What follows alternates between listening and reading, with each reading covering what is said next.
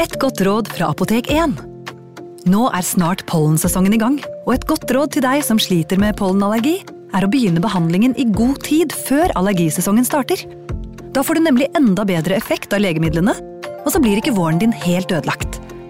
Kom innom og få råd på ditt nærmeste Apotek 1, eller chat med oss på apotek1.no. Apotek 1 vår kunnskap, din trygghet.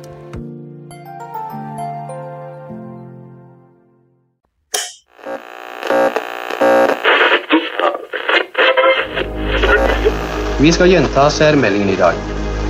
Nummer én Kjerringa er galen. Nummer to På ski over lyng og kvast. Nummer tre Baklengs inn i aftensangen. Baklengs inn i aftensangen.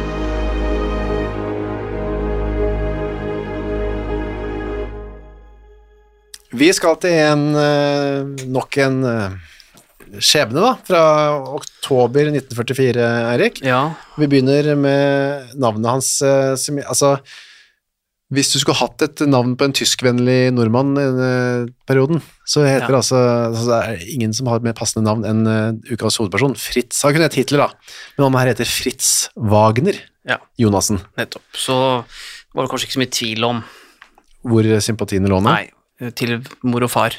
De var nok glad i Tyskland. Det stor sannsynlighet. Ja, lett å gjette seg til det. Men var ikke tysk. Nei, han eh, er jo da fra Horten. Og vi er da kommet til onsdag 18. oktober, når, eh, når denne hendelsen her finner sted, i 1944. Men eh, jeg fant jo i, eh, som jeg har skrevet en del om da i denne boken, de kalte dem rottejegere, så Kan vi bare ta det kjapt? Den er å få kjøpt den. Den er til salgs i butikker. jeg tror ikke den er utsolgt. Nei. Så eh, det er nok Men jeg prøvde å få tak i en selv her om dagen, og da måtte jeg lete litt, eh, faktisk, fordi noen av butikkene hadde gått tom. Oh, ja, ja, det er bra, da. Så, mm, men vi får nå se hvordan det går etter hvert. Det går an å bestille på nettet, sikkert. Ja, absolutt. Ja, hva fant du, sa du? Jo, er altså, jeg, jeg fant jo bilder da, av denne Fritz Wagner Jonassen. Um, eh, f- tatt 28. april 1933. Da var han 15 år gammel. Ja. Og um, da, da fant jeg um, en, en, en artikkel som var skrevet, hvor en, en gjeng Altså, en, altså lederne for en speidertropp, den fjerde speidertropp i Horten, var samlet til et såkalt førermøte. Dette var da en speidertropp som besto av tre patruljer, hauk og ørn og falk. Og de ble ledet da i og for seg av, eh, av uh, troppsførere, som da uh, også var ungdommer, og en av disse her var jo da 15 år gamle, gamle Fritz Wagner Jonassen, som den gangen var, var da som sagt 15 år, og patruljefører for, uh, for Falk. Ikke for ørn. Patruljen som heter ørn, det er litt synd, da, vi, men det kan vi komme til tilbake Ja, til komme tilbake til Ørn senere. Han var en glad speider, sier du, skriver du i hvert fall, i den, eh, på den artikkelen. Ja, for på bildet da, så står han og smiler veldig. Eh, Det er jo en gjeng flotte gutter der som, eh, som eh, alle er i veldig godt humør, og mm, de eh, det, dette, dette er jo pinsen. Eh, Det er veldig sånn varm eh, vårsol der. Altså, du ser eh, at sola skinner i, i ansiktene på disse guttene, og de er da eh, samlet da, for å forberede en eller annen eh, speiderleir som skal da arrangeres eh, noen noen eh, måneder eh, senere, eh, altså i, løpet av sommeren. Altså Hendelsen oktober 1944, elleve år senere, den var, et, eh, den var fjern foreløpig på alle Ja. mulige måter. Nå er vi da i, eh, helt i starten av, eh, av 30-tallet. Eh, De hadde dratt ut til Årø ved Sandefjord, og der skulle det da jobbe eh, og lete etter en, en passende leirplass, hvor de da skulle skulle uh, ha denne speiderleiren. Og, eh, og um, seinere så Jeg har jo lett mye rundt han Jonassen, for han var jo, han var jo ikke Han var etter hvert ganske kjent. Ja. Og um, han ble jo da gjennom de neste årene omtalt uh, ja, hun, Ikke, ikke for å være speider. Nei, for han, um, han ble etter hvert en veldig lovende fotballspiller, Ja. og ble jo omtalt i ja, Jeg fant hundrevis av artikler om han, oh, ja. både først i og for seg mange lokale, men etter hvert også i rikspressen, og havnet etter hvert uh, høyt opp da i eh, ja, det man kan kalle den gangen som da ble sett på som eliteseriefotball. Han spilte på, på øverste nivå i Norge. Ja, han var en av Norges beste fotballspillere på et tidspunkt. Ja. Men han var også da medlem av Nasjonal Samling. Det ble han, det vet jeg ikke når, men Han eh, gikk inn tidlig og eh, ble en del eh, av Nasjonal Samlings propagandavirksomhet. Ja.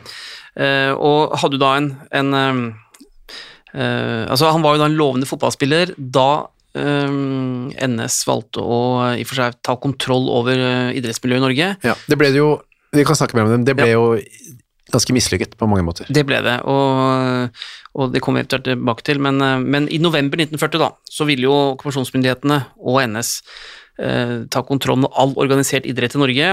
Det førte jo til at ja, Norges landsforbund for idrett ble oppløst. eh, eh, man i og for seg ville organisere alt på nytt. Og det som da skjedde, var at veldig mange idrettsutøvere de ville ikke være med. Nei. Men noen valgte å fortsette. Det ble såkalt Ja, det var de som valgte å hoppe av, og, og av politiske årsaker ikke ville være med lenger da, i en eh, NS-kontrollert, eh, organisert eh, norsk idrett. Også publikum som ikke ville gå og se kamper Ja og stevner osv. Tomme tribuner, iallfall i, i, i Ikke tomme, for det, det var noen av dem som greide å dra litt folk, men, eh, men langt færre enn eh, en tidligere. Men um, NS-medlemmer og, eh, og eh, NS-sympatisører, de valgte jo nå å fortsette. Mm.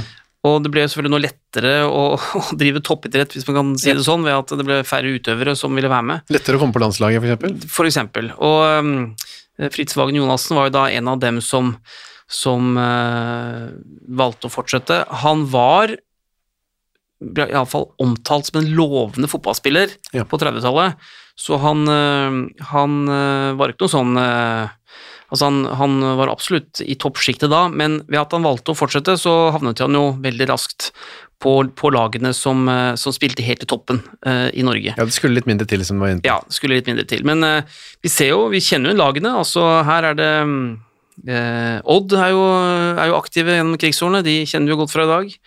Eh, de spiller mot, eh, mot lag som Ørn. Ja, apropos Ørn, ja. Ja, der er jo da Fritz Wagen Jonassen aktiv. De spiller mot eh, Uredd, mot Viking, ja. har Freidi, uh, Bjarta fra Oslo.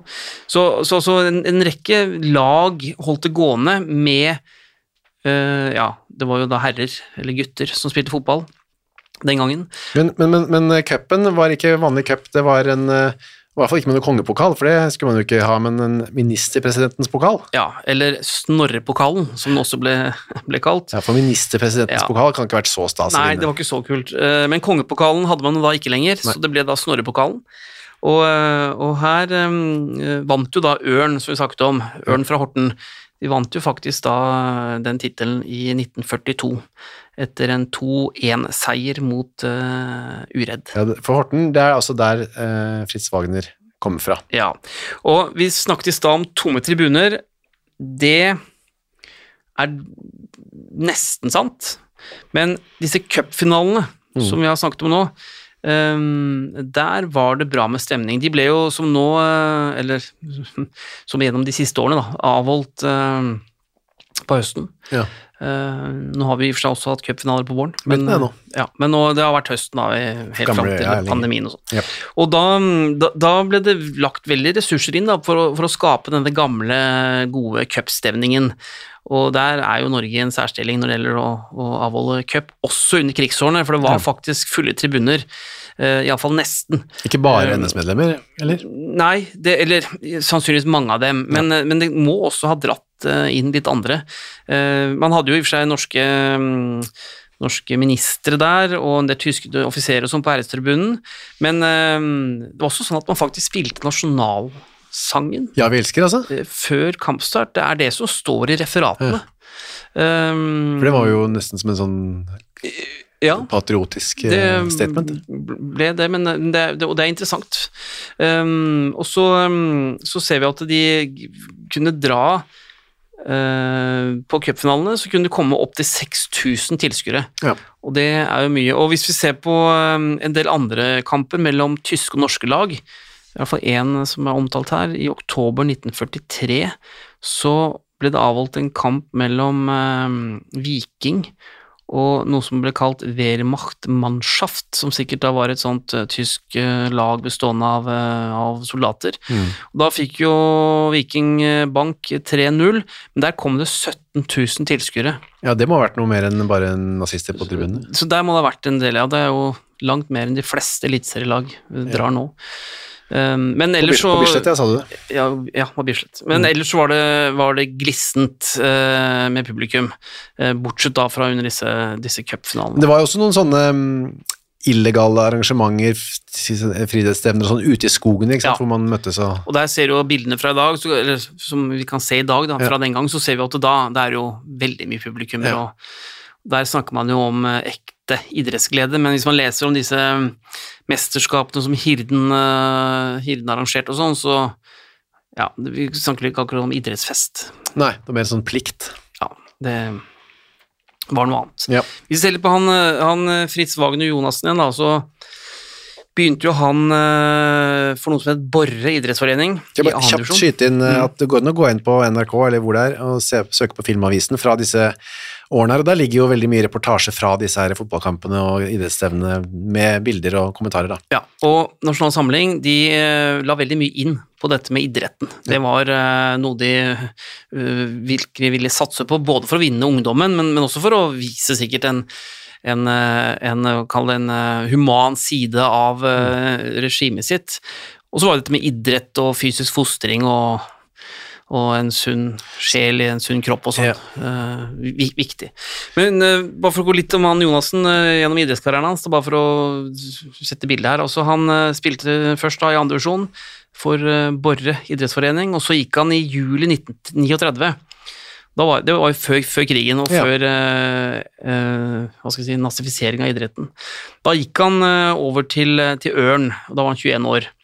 Og da gikk han også inn da, for å spille på det øverste nivået i den såkalte Norgesserien. Ja, så han var elitespiller ved Ja. egen fortjeneste på en Ja, måte. han ble det før, eh, før eh, krigsutbruddet og før ja. NS tok over kontrollen. Og så eh, havnet han etter hvert på A-laget, og han var i alle fall i september 39, fant jeg et referat. Der er han i startelveren i en kamp da mot en eh, klubb fra Drammen som heter Skjold. Ja, Den fins faktisk fortsatt. nå gjør det. Ja. Så var det streiken, ja, og han fortsatte som du sa. Ja, han var en av få som, eh, som eh, i, i Ørns spillestall som Ja. valgte å, å fortsette. Um, han, eh, ja, der ser vi også at han faktisk gikk inn i parti da i, i 1940, 1940. og var også aktiv i, Hid- i Hirden. Så um, uh, ja, og han var jo en sånn lokal helt før krigen. Um, jeg fant et referat hvor det, hvor det står det at han var veldig kjent i lokalmiljøet, og det skapte reaksjoner da han ble med i fotballen etter nazifiseringen, eller, at han fortsatte i fotballen da. Mm. Og som det står at det var nok eh, mange gamle Ørn-tilhengere som hang med hodet da man på forsommeren 1941 kunne lese i avisen at Ørn Horten stilte lag i, i de av nazistene igangsatte fotballserier. Og enda verre var det da at bl.a. blant annet Fritz Wagner Jonassen da eh, var med videre. Uh, Vel som Haaland skulle spilt på liksom nazilaget i dag, det hadde ikke vært noe populært i Norge. Det hadde blitt eh, landesorg. Det hadde det blitt. Ja. Han var også på landslaget, da, apropos. Ja da, vi hadde ut, et, eh, eller Norge hadde også et landslag uh, gjennom krigsårene, og han ble tatt ut på disse samlingene.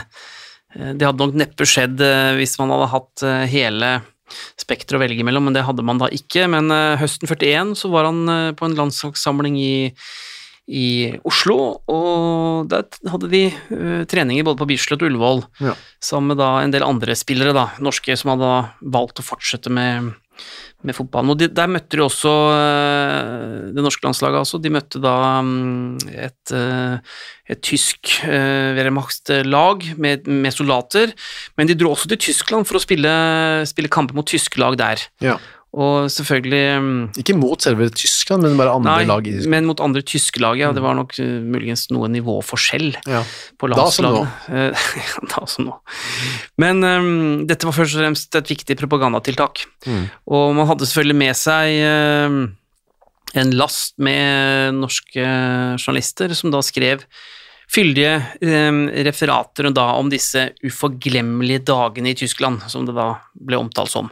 Hvor da det norske landslaget spilte rett og slett eh, fotballkamper, landskamper i Tyskland under krigen. Ja, og der var det jo andre ting som foregikk, som ikke de kanskje fikk så mye innblikk i. For fordi det står i avisen, det som imponerte oss mest var den indre og ytre ro som preger Tyskland i dag. De som hentyder på indre uroligheter i Tyskland vet ikke hva de snakker om. Nei. Neida, det, det var sånn man skrev om det, og det var sikkert noe de ble fortalt at de også skulle skrive. Vi vet jo at allerede her så var det jo tegn til krig eh, i Tyskland, eh, men eh, vi hadde kanskje ikke den Altså, man vet jo at det var ikke en fri presse. den gangen. Befolkningen var preget av intenst samhold, begeistring og tro. Ja. Ja, um, ja, så kom han tilbake, fortsatte å spille, men han var jo da ikke bare fotballspiller. Nei, øh, han øh, Ja, vi kan også nevne at han uh, i og for seg var jo også aktiv i idretten, både innen Hirden og det, det som er kalt Norges politilandslag, men, uh, Ja, han men spilte på mange lag. ja, han var veldig, veldig, veldig aktiv i denne fotballen. Men Venstrebekk, det har vi ikke nevnt, men det var han. ja, altså en forsvarsspiller. Eh, men det som han Hva skal jeg si Som gjør at han skriver seg inn i, i Milorgs eh, etterretningsrapporter. Det er ikke fotballen, men det er eh, at han tar seg jobb etter hvert som polititjenestemann i Horten. Og han begynner der i løpet av 1941. Jeg har ikke greid å finne helt ut når, for det er litt forskjellige datoer. Men eh, han utmerker seg ganske raskt og blir av sine overordnede beskrevet som en helt gjennom pliktoppfyllende og pålitelig politimann. Og eh, han, eh, som jeg nevnte, var jo også veldig aktiv i Hirden. men Han ble også vararepresentant til Bytinget i Horten. For en allsidig type. Eh, Vi glemte Ja. å nevne at han også var tungvektsbokser. Ja, det er riktig, og vi ser jo at han er en svær og kraftig kar, som vi skal høre om litt seinere. Kan nevne at da, da han blir obdusert, så veier han jo nesten 90 kilo Ja. og 83 cm høy, og det var nok ikke mye flesk der, men mye muskler. Det var jo mer enn de fleste av de andre vi har gått Ja, gjennom. ja, absolutt.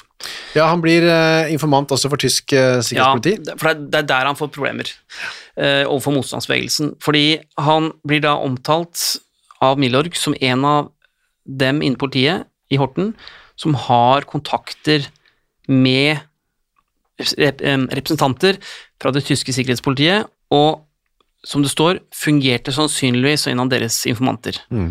Og så er det veldig uklart hvor omfattende det bidraget, eller hva man skal kalle det, er. Um, han, um, han blir ifølge en del motstandsmenn omtalt som en som får sitte i de dypeste skinnstolen og fikk røyke de største sigarene når han er på Victoria terrasse i Oslo, hos Gestapo der.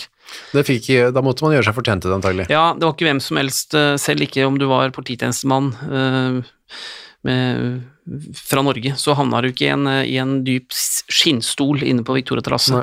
Så det, det, det er jo hva skal jeg si, et, et, et mulig tegn da, på at han var noe mer enn bare en vanlig tjenestemann. Men de må ha hatt noe mer enn dette her å basere denne likvidasjonen på. Ja, det er Men, men han står omtalt som informant, Mm. som farlig, men eh, dokumentasjonen på det mm, den er ikke så tydelig i, i det skriftmaterialet som finnes. Nei.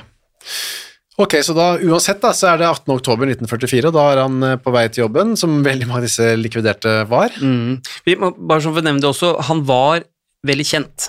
I Norge generelt. Ja, i, i Norge. Altså, han var mye omtalt både uh, under krigen, gjennom denne fotballkarrieren sin, men også før. Ja. Så det, dette var jo, som du nevnte, en, en fotballs... Ikke stjerne, men en fotballspiller mange hadde hørt om. Ja. Det kan også ha vært med på å gjøre at ved å rydde av veien, Mm. så visste man det ville skape oppmerksomhet. Ja, riktig. Og vi er jo nå høsten 44, motstandsbevegelsen eh, Det det er jo harde fronter her nå, men eh, motstandsbevegelsen er jo på et vis nok sikre på hvor det ender. Ja. Og vet jo at eh, Vi ser jo det på deres likvidasjon her nå, at man velger å, å pushe grensene eh, ganske tydelig. Og ja, vi er jo da morgenen, denne 18.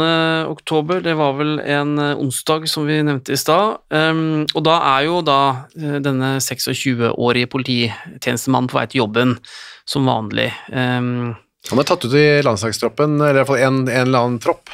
Ja, og det er jo det som er litt sånn interessant, da. Jeg, jeg, altså, jeg vet ikke om han leste avisen den morgenen, men hvis han hadde gjort det, så hadde Fritz Wagner Jonassen sett at han var da tatt ut i troppen som skulle spille en eh, ganske sånn prestisjefull fotballkamp i, i Oslo noen dager, eh, dager seinere. Eh, Da skulle et lag da bestående av i og for seg flere norske spillere møte et, et såkalt tysk Oslo-lag. Jeg antar de må være tyskere stasjonert i Oslo eller noe sånt. Og um, den kampen skulle gå på Ullevål stadion. Ja, en slags sånn, ikke en landskamp akkurat, da, men litt sånn Norge mot Tyskland-aktig likevel. Ja, en, kall det en, en oppvisningskamp. eh, selvfølgelig et rent propagandashow, men, men han var tatt ut. Men det, så langt kom han ikke.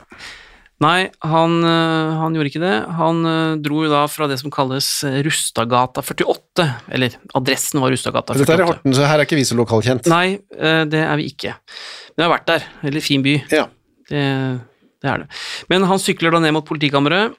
Eh, han eh, er ikke sivil, han har på seg en eh, politiuniform. Lett å få øye på, med andre ord. Absolutt, eh, på sykkelen. Og så har han ikke kommet så veldig langt. En gang mellom 0840 og 0845 så har han kommet da ned til eh, Sollistrandveien. Og der står det tre menn og venter på ham.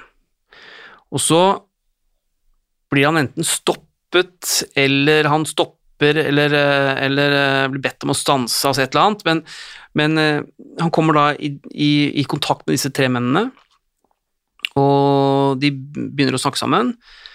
Og så, ifølge rapportene, så ble Jonassen spurt om hvem han er, og hva han heter. Og så bekrefter han at eh, jo, jeg heter Fritz Wagner Jonassen, eller ja, det er meg. Mm. Og idet han har bekreftet det, så tar de tre mennene frem eh, skytevåpen, og så, uh, ifølge vitner, så skal Jonassen ha forsøkt å komme seg vekk. Hva nå det ligger i det. Han kan ha hoppa av sykkelen, begynt å løpe, eller han kan ha begynt å sykle vekk, eller, eller eh, Ja, det, det vet vi ikke. Men det blir avfyrt i løpet av veldig kort tid seks eller sju skudd fra to ulike skytevåpen Som treffer den, ja. ja, som treffer den. Og så, øh, ifølge rapportene, så blir han truffet da, øh, som du sa, men han dør ikke, eller han faller ikke om umiddelbart. Han greier å komme seg til et hus øh, like i nærheten. Det er jo en bjørn av en type, da, tydeligvis. Ja, han er svær og kraftig, og han har omfattende skuddskader, men har jo da krefter til å, å dundre på døra i det som øh, Adressen der var Sørbygata 50, og der bor det en mann han heter Martin Paulsen og er hjemme da med husholdersken sin. Og det er ikke noe tilknytning til eh, Fritz Wagner fra før av han. Nei, det virker ikke som de har noe, har noe med hverandre å gjøre eller kjenner hverandre. Jonassen han, han ringer på døra eller banker på døra eller, eller, eller får den døra opp iallfall. Mm. Og, og like innenfor så møter han da hun husholdersken, eh, hun, hun het eh, Olga Hansen. Og hun står da like foran eller eh, ved siden av ham eller et eller annet sånt, men han, han som det står beskrevet, han, han segner om i armen hennes, og så sier han at jeg er skutt, jeg kom hit, jeg orket ikke å gå lenger. Og så mm, blir han jo øh, sittende i et hjørne av denne øh, inngangspartiet, eller altså i, i entreen der. Og så henter han, øh, han godeste mm, Martin Paulsen, han henter en pute som de legger bak ryggen hans, og så øh, Olga Hansen hun henter vel med et øh, lommetørkle og tørker ham litt i ansiktet, og han Jonassen han svimer av, og så våkner han litt igjen, og, og sånn. Og så har han veldig smerter, og han stønner, og det renner blod ut fra skuddsårene.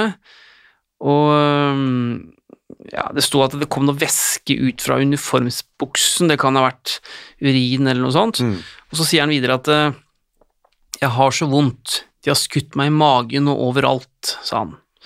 Og øh, han Paulsen da, og husholdersken Hansen, de øh, ringer jo til øh, ja, politi, og det ble sendt en ambulanse da til, til Sørbygata 50. Og Jonassen han, han er bevisst, for han forteller at det var to ukjente menn da som hadde skutt ham. Ja, var det ikke tre, da? Jo, det var det tre som sto i rapporten, og så snakker han om to. Ja. Så her kan det være en eh, forveksling fra vitnene som kan ha sett tre og ment det var tre. Uh, kommer vel litt tilbake til det seinere her. Mm. Um, og så kommer politiet etter et kvarter. Ja. Da er han, eh, da er han bevisstløs igjen. Og så blir han fraktet da til eh, det som ble kalt Statens sykehus. Havner på operasjonsbordet umiddelbart. Men eh, så eh, Ja, det jobber man der, men så går det tre timer, og så, så dør han på operasjonsbordet. Og dødstidspunktet blir satt da til klokken tolv. Så da er jo da denne 26-årige politimannen eh, død. Og statspolitiet i Oslo er jo varsla, det ble, de for seg med en gang, så de kommer jo da til, til Horten omtrent samtidig som, som Jonassen dør, eh, og skal da bidra under etterforskningen. Han blir obdusert. Han blir obdusert, absolutt, blir frakta til Oslo, eh, Rettsmedisinsk institutt. Rettsmikrolog Jørgen Bull skrev eh, den rapporten. Ja. Der står det at han var en, en kraftig kar, da, som jeg sa i stad. 85,7 kilo, 183 cm høy. Eh, fire av skuddene hadde truffet ham. Eh, eller han var, han, han var jo truffet av fire skudd, og Ja, har blitt avfyrt mellom seks og sju. Og to av dem traff den i beina. De var ikke dødelige, men et, altså et tredje skudd hadde truffet i brystet. Og det hadde gått inn og muligens gjennom lungene, eller i hvert fall én av lungene. Ja. Og det førte igjen til at både leveren, bukspyttkjertelen, milten og en del andre indre organer var blitt påvirket av denne ene skuddskaden. Eh, Store blødninger, eh, og en eller annen pulsår har blitt revet over og sånn. Og så var det en fjerde, et fjerde skudd som hadde truffet overkroppen og i og for seg eh, ødelagt eller skada noe, av leveren. Så dødsårsaken ble oppgitt å være indre blødninger. Ja. Og så har de, sjekker de klærne hans, og de finner ikke noe, noe kruttslam, som han kommer da frem til, som også i og for seg denne vitneobservasjonen, eller denne politirapporten da slår fast, at det ble ikke avfyrt skudd på kloss hold, men at eh, det ble skutt først da han begynte å løpe. Eller sykle, eller hva nå som skjedde der. ja. Og så, eh, ja, og i, i, eh, i etterlysningene fra politiet i Horten, der er det beskrevet tre menn, så er nok her denne, denne, denne hva skal jeg si, uh, vitneobservasjonen muligens stemmer. Mm. Og, og i og for seg alt kan stemme ved at uh, Jonassen har sett at det ble skutt fra to. Ja. Den tredje kan ha vært en eller annen eh, observasjonspost eller noe sånt. Det som sto bak han eller et eller Eh, annet. Noe sånt, ja. Um, Det blir beskrevet disse tre Ja. mennene, det er jo litt interessant å høre hvordan de så ut. Ja, altså I kunngjøringen, altså, eller den etterlysningen, så står det at én liten av vekst, mørk, bløt hatt, hornbriller, mørk av utseende, mørke klær, skummelt utseende. Ja, det, Man kan se for seg en sånn skummel liten type der. Absolutt. Og så etterlyst nummer to. Høy av vekst, barhodet, mørkt hår, nikkers og mørk jakke. Begge i 20-30-årsalderen. Ja. Og nummer tre var da lyshåret, barhodet, ganske ung, grønnaktig nikkers og vindbluse omtrent i samme farge som nikkersen. Nikkers var eh, Altså, i dag ville det skilt seg veldig ut, vært Ja. å bruke for en eh, snikmorder, men eh, ikke på den tiden. Nei, da var dette et vanlig antrekk som man, man gikk litt rundt i. Og, og så kommer vi jo Det er litt interessant her, hvem, hvem, står bak? Fordi dette her er jo ikke en aksjon som Altså, det skjer midt i en by. Eh, åpenbart eh, ganske godt trente folk. Høy risiko. Mm. Um, en mindre by hvor det var lett å i og for seg bli oppdaget, gjenkjent. Vi har jo hatt lignende aksjoner, bl.a. på på Gjøvik og, og, og sånne steder, med høy risiko. Og så viser det seg at det er faktisk noe av det samme miljøet som står bak. Ja. Um, det er jo en aksjonsgruppe fra Tønsberg da, som, eh, som det ble, står i rapportene, som utførte dette likvidasjonsoppdraget. Og um, politiet går riktignok uh, ut og, uh, og etterlyser to uh, navngitte personer, men de ble aldri pågrepet og, og, og hadde heller ikke noe, med dette å gjøre. Vi snakket tidligere om en annen polititjenestemann som heter Karsten Tank Lorange. ja. Han ble da likvidert 5. mai 1944, og etter hvert så finner politiet ut at det er et av de samme våpnene som ble brukt mot Lorange, ja. altså som ble brukt for å drepe han, som ble benyttet under denne aksjonen for å ta livet av Fritz Wagner Jonassen. Så da kan det være sånn at det var Osvald-gruppa, Ja. altså den kommunistiske Osvald-gruppa, som, eh, som sto bak eh, denne aksjonen også. For det var det, var det Osvald-gruppen som sto bak Lorange. Stemmer. Og ledet av, eh, av eh, Sunde og Asbjørn Sunde, ja. Asbjørn Sunde, og, og folkene hans. Og da vet vi jo at de som tok livet av Lorange, det var Rolf Andersen, Harald Ottar Cyril Becker og denne russiske Ivan Trofimovic Pokkenboroda. Og eh, mens de, mens de som ble da etterlyst av politiet, Mm. det var en som het Bjarne Solberg og Alf Rød, men det henger litt i lufta. Det vi vet her, er at det er eh, samme våpenet som ble brukt, og eh, så stopper det litt der, og så er det litt forskjellige, forskjellige muligheter. Det vi kan slå fast, er jo da at eh, Fritz Wagen Jonassen, han endte jo da livet sitt inni en han, inn i en gang Ja. i et hus, uh, sittende opp, ja, opp mot en vegg av indre blødninger. Og det laget var en venstrebekk uh, fattigere. Absolutt. Så nok et eh, Nok en polititjenestemann som måtte bøte med livet etter å ha da samarbeidet med okkupasjonsregimet og det tyske sikkerhetspolitiet mot den norske motstandsbevegelsen. Neste uke skal vi til eh, Bergen. Da skal vi flytte oss til Bergen, den første av to likvidasjoner der borte. Det kan vi glede oss til. Takk for denne gangen. Selv takk.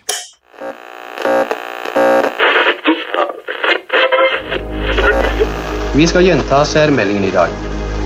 Nummer én Kjerringa er galen.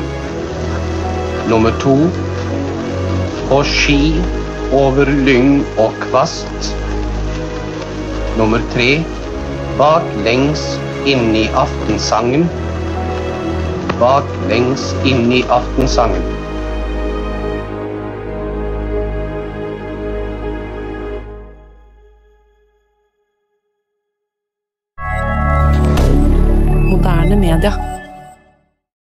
Har du et enkeltpersonforetak eller en liten bedrift? Da er du sikkert lei av å høre meg snakke om hvor enkelt det er med kvitteringer og bilag i fiken, så vi eh, gir oss her, vi. Fordi vi liker enkelt. Fiken superenkelt regnskap.